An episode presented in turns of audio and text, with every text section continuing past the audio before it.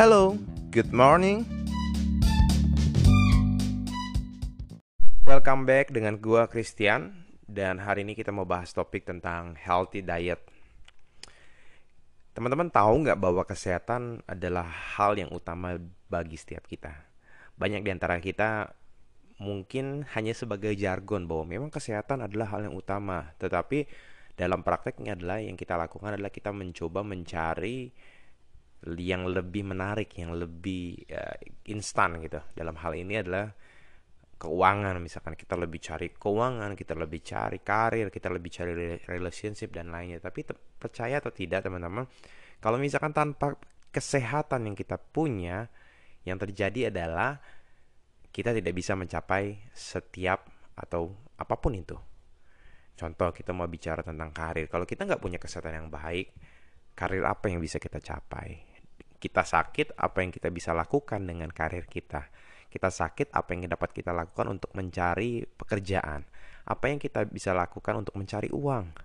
Apa yang kita bisa lakukan untuk bisa beraktivitas, traveling, dan lain-lainnya. Jadi sebenarnya kita harus paham hal yang dasar ini. Bahwa kesehatan adalah sebuah hal yang utama. Setuju ya?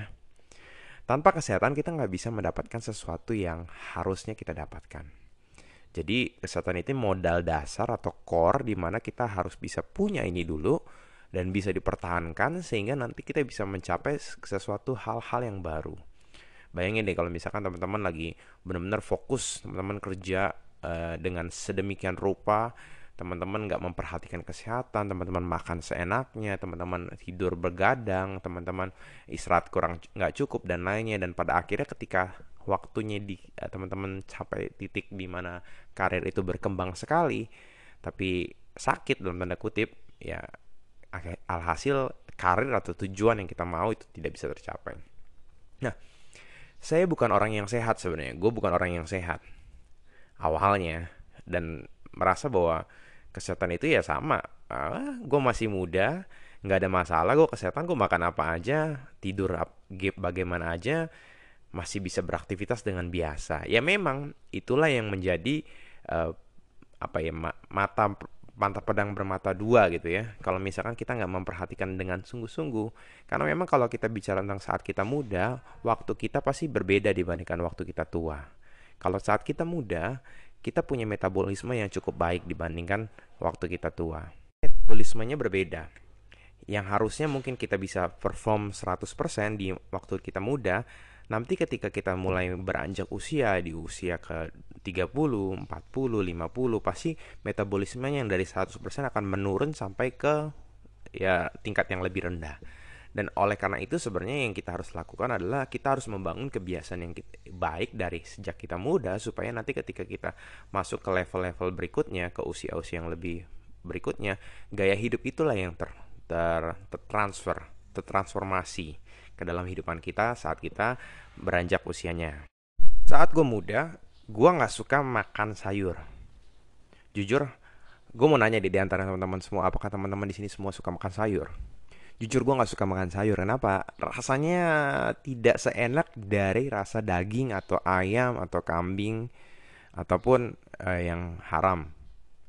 Rasanya lebih enak daging pokoknya kita sepakat mungkin kita bisa bilang bahwa rasanya lebih enak daging dibandingkan sayuran. Dari masa muda gue makannya banyak banget. Gue bisa makan ayam satu ekor habis semua misalkan. Ya gue bisa gadoin dan lainnya. Jadi gue makan banyak banget. Tapi um, tubuh gue, badan gue ya gitu-gitu aja. Nggak gemuk, nggak kurus. Gue makan banyak sebanyak apa pun, tubuh gue nggak gemuk Kenapa? Karena ya waktu masih muda gue suka ber beraktivitas. Gue suka main bola, gue suka badminton, gue suka aktivitas dan lainnya. Jadi banyak kegiatan yang dilakukan memang saat kita muda. Nah, seperti yang tadi gue ngomong, kalau masa kita muda, waktu kita tuh eh, metabolisme kita akan lebih baik dibandingkan masa kita tua. Jadi anggap saja metabolisme kita 100. Jadi ketika makanan apa pun yang kita makan sebanyak apa pun ya tentunya akan kebakar menjadi energi. Tetapi yang jadi masalah adalah ketika kita mulai masuk ke usia tua dengan gaya hidup yang sama makan seperti itu, yang terjadi adalah makanan yang kita makan tidak sepenuhnya dibakar jadi energi, tetapi akan disimpan menjadi lemak karena metabolismenya nggak bagus.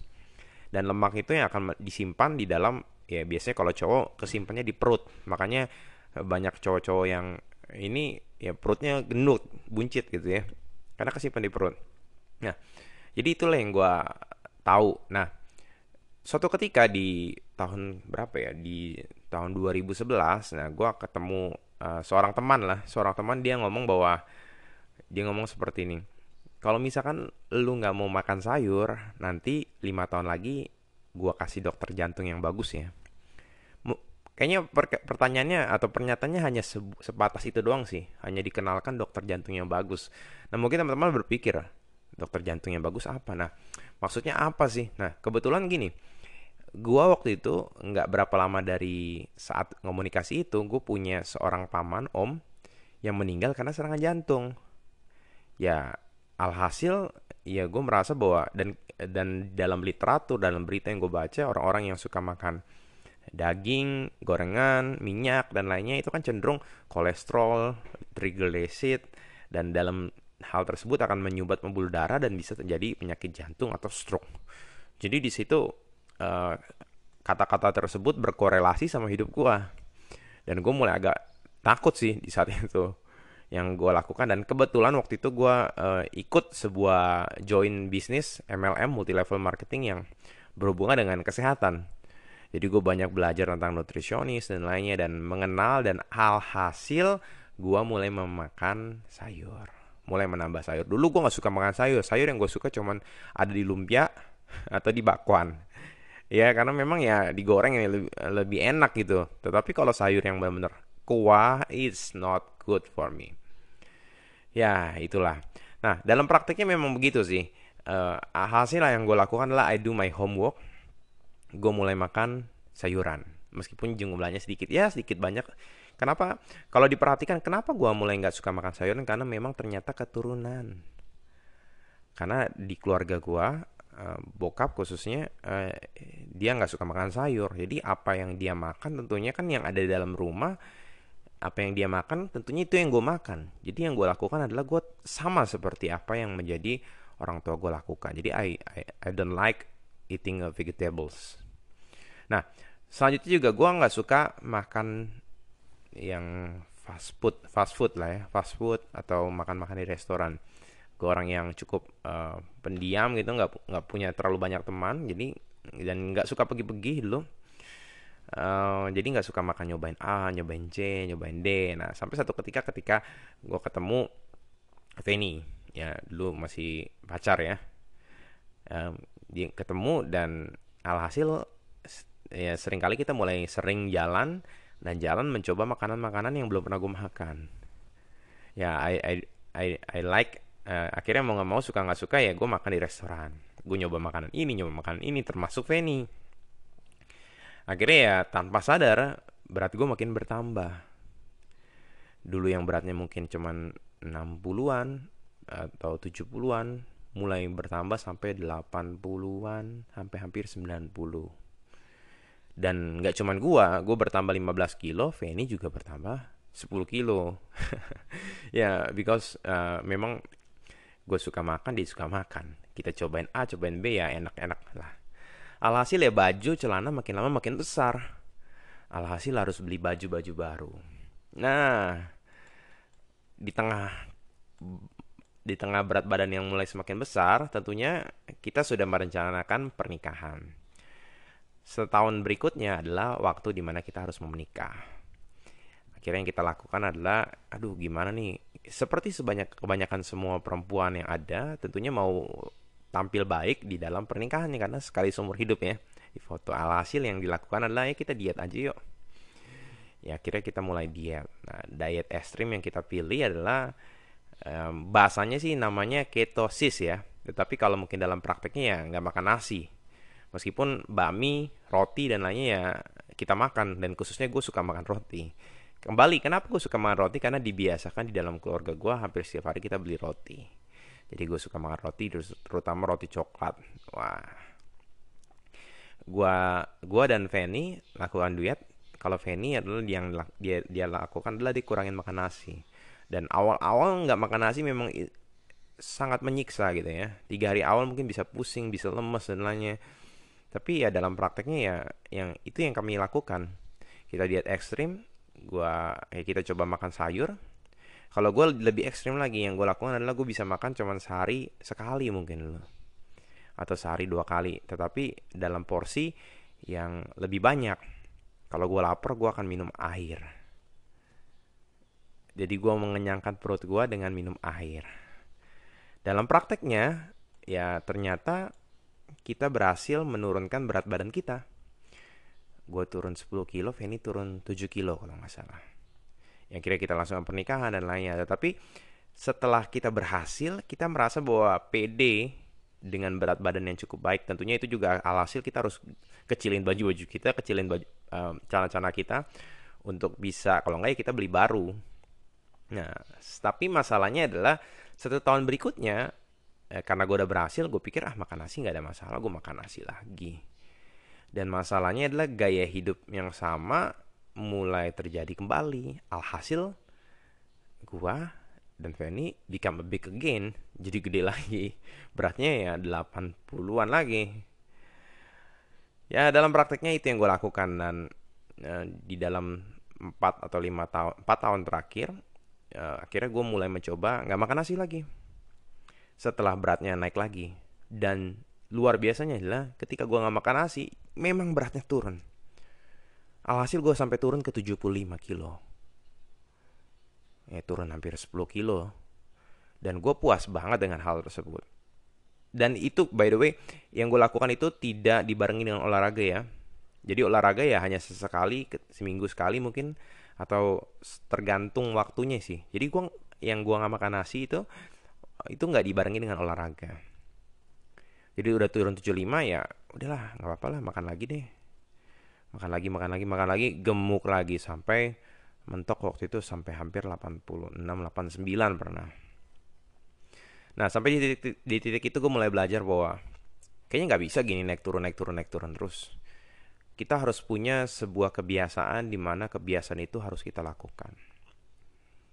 Dan di akhir tahun lalu gue mulai kembali tidak makan nasi. Dan kali ini gue mene menekatkan diri gue bahwa gue nggak akan makan nasi lagi selamanya. Nanti gue akan bahas sedikit banyak apa sih peran nasi dan lainnya. Dan dalam prakteknya yang selanjutnya adalah gue merasa bahwa gue perlu olahraga untuk membiasakan hidup gue beraktivitas. Jadi waktu itu kita gue mulai dalam beberapa bulan gue menginisiasi untuk lari uh, ya lari seadanya lah 2 kilo 3 kilo paling maksimum 5 kilo. Ada yang pernah sampai 9 kilo dan lainnya. Gue coba lari dan uh, sampai di titik ketika gue lari berat gue sampai uh, level di angka 69 dan memang dulu dari dulu tuh gue selalu diet nggak pernah turun di bawah 75 kilo. Gue juga bingung kenapa. By the way berat gue serat eh tinggi gue 176 jadi sebenarnya 78 sudah ideal BMI-nya tapi uh, gue pengen lebih daripada itu sih karena uh, berat uh, gue kebetulan punya wajah yang uh, cukup cabi ya. Jadi uh, ketika gemuk sedikit tuh cabinya cabi banget gitu. Jadi alhasil gue turunkan sampai 70 dan uh, gue merasa puas dengan uh, diet itu. Jadi gue lari plus nggak makan nasi itu yang gue lakukan nah Hari ini kita mau bahas sedikit tentang terkait nggak makan nasi. Kenapa gue menginisiasikan nggak makan nasi? Jujur di Indonesia, nggak makan nasi, nasi itu adalah sebuah budaya di mana menjadi kebutuhan pokok. Bahkan Indonesia sampai impor uh, beras karena kebutuhan beras kita tidak cukup. Jadi di Indonesia ada budaya di mana kalau kita nggak makan nasi itu kita kayaknya nggak nggak cukup makannya. Kalau kita perhatikan di daerah-daerah lain atau di negara lain, mereka nggak makan pakai nasi, mereka makan pakai roti atau roti gandum dan lainnya. Banyak di antara kita mungkin kalau yang diet mungkin kita sudah ter, terbiasa dengan yang namanya oatmeal ya. Jujur gue makan oatmeal dulu nggak enak banget, nggak enak. Karena oatmeal rasanya tawar, meskipun ada ya en, gimana ya tawar ya. Beda kalau nasi, nasi itu ada kandungan gulanya.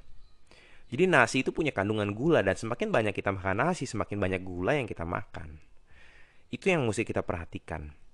Jadi budaya yang terbiasa nggak makan nasi itu nggak makan, nah itu yang sebenarnya menjadi sebuah hal membuat kebanyakan di orang Indonesia terkena obesitas, diabetes. dan lain-lainnya.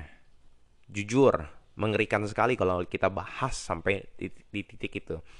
Jadi yang gue lakukan sampai uh, dari saat dari waktu itu sampai ke depan adalah gue tidak makan nasi dalam tanda kutip. Kalau bisa gue nggak makan nasi, gue nggak makan nasi. Tetapi kalau memang ada waktunya gue harus makan nasi, gue akan makan. Nasi uduk ya makan, dan lainnya gue pasti makan. Tapi ya itu dia, gue tidak membiasakan bahwa gue akan makan nasi. Jadi yang gue lakukan adalah, terus gimana dong kalau nggak makan nasi? Gue cuma makan nasi sama ayam, ya udah makan ayamnya aja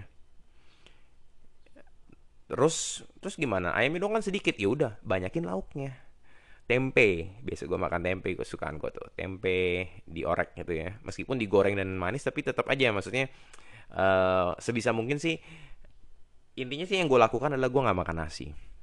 Dan uh, dalam tiga kali uh, tiga kali penurunan bisa membuktikan gue cuman dalam tiga bulan gue nggak makan nasi itu bisa turun sampai 10 kilo. Dengan atau tanpa olahraga ya. Bayangin ya nah yang gue lakukan adalah saat ini gue nggak makan nasi plus gue beraktivitas. Waktu itu gue lari ya saat ini lagi nge-gym. Pengen uh, bentuk badan lah sampai titik di mana atletis lah. Nah yang gue lakukan adalah kalau gue kurang makan ya gue minum air. Gue banyak saranin buat teman-teman yang gemuk ya yang yang punya cadangan makanan jauh lebih banyak dibandingkan orang lain dan tentunya bisa bertahan hidup dibandingkan orang-orang yang kurus tentunya. Karena kan gemuk itu adalah lemak lemak itu adalah cadangan makanan sebenarnya. Nah cara paling benar untuk bisa berkurang adalah mengurangi yang namanya uh, kalori defisit kalau bahasanya. Jadi apa yang masuk harus lebih rendah dari apa yang keluar. Jadi kalau kita masukin 2000 kalori yang keluar tentu harus 2000 kalori. Nah kalau kita ngomong tadi, oh gue nggak perlu gue nggak nggak pakai olahraga, gue bisa turun. Berarti secara tidak langsung eh, kegiatan gue, aktivitas gue dari berpikir, dari bekerja dan lainnya itu mungkin di 2000 kalori. Biasa gue makan sampai 2500 kalori dan lainnya. Jadi ketika 2500 masuk, keluarnya 2000, ada 500 kalori yang tersimpan setiap harinya. Dan itu yang membuat badan gue semakin lama semakin berkembang biak, semakin besar gitu ya. Nah, tapi yang gue lakukan adalah gue mengurangi nasi. Gue gue pribadi jujur nggak pakai hitung hitungan dan lainnya. Ya, pokoknya gue nggak makan nasi aja. Intinya itu sih. Dan uh, mungkin belum ada harus kalau harus harus dicek memang ada studinya sih pasti gue yakin percaya ada studinya bahwa kalori itu kalori dari nasi itu berapa banyak ada beberapa teman yang gue yang gue punya teman mereka membatasi dengan cara menimbang nasinya. Atau ketika mereka makan satu porsi nasi mereka nggak habiskan satu porsi nasinya. Tapi yang gue lakukan adalah gue cukup uh, pede dan sudah terbiasa sampai saat ini. Bahkan um, yang gue lakukan adalah ya gue nggak makan nasi sama sekali. Jadi dari nggak makan nasi tadi gue bisa mengurangi beberapa ratus kalori yang tanpa sadar sebenarnya mungkin kalori yang gue makan adalah 1800 anggaplah 1800 dan kalori gue keluar 2000 tanpa olahraga. Jadi gue bisa mengurangi 200 kalori setiap harinya. Jadi secara tidak langsung lemak gue akan dimakan uh, untuk pembakaran untuk membantu aktivitas gue jadi per hari akan berkurang berkurang berkurang berkurang tanpa olahraga dan kalau misalkan teman-teman saat ini punya waktu untuk olahraga dan bisa dan kayaknya harus deh kita olahraga ya. Di mana pun kita bisa push up atau sit up atau apa pun itu atau lari atau jogging atau apa pun atau high intensity training dan lainnya itu kita bisa lakukan banyak hal sih sebenarnya. Nah, jadi kalau misalkan seperti itu anggaplah kita nggak makan nasi tadi 1800 kalori. Kalori yang kita biasa keluarkan itu 2000. Dan kalau kita beraktivitas sambil lari aja, mungkin kalori kita bisa jadi 2500 yang kita buang setiap hari kalau tiap hari. Jadi secara tidak langsung kecepatan dari uh, diet yang kita lakukan itu akan jauh lebih besar. Terus kalau ngomongin diet, apakah lari or olahraga? Terus kalau badannya udah optimal gimana? Apakah bol uh, boleh nggak nggak perlu olahraga? Hmm, kembali ke masing-masing sih. Kalau gue yang gue lakukan adalah gue kembali membuat gaya hidup gue. Gue membiasakan olahraga menjadi gaya hidup gue. Jadi suka nggak suka, uh, ketika badan udah ideal, tubuh kita tuh selalu pasti ada lemak ada kandungan fat berapa berapa persen dan lainnya. Biasa orang-orang yang gemuk di atas 20-an persen, bisa 30 mungkin, gua nggak tahu ya. Tapi orang-orang yang badannya atletis dan lainnya biasanya kandungan lemaknya itu di bawah 15 bisa 5% dan lain. Jadi itu pun mengikis lemak kita. Jadi secara tidak langsung otot-otot kita akan keluar. Terlihat. Tapi tentunya otot kita di, terlihat tanpa kita membentuk badan kita, membangun otot dan lainnya ya tentunya tidak maksimal bentuknya.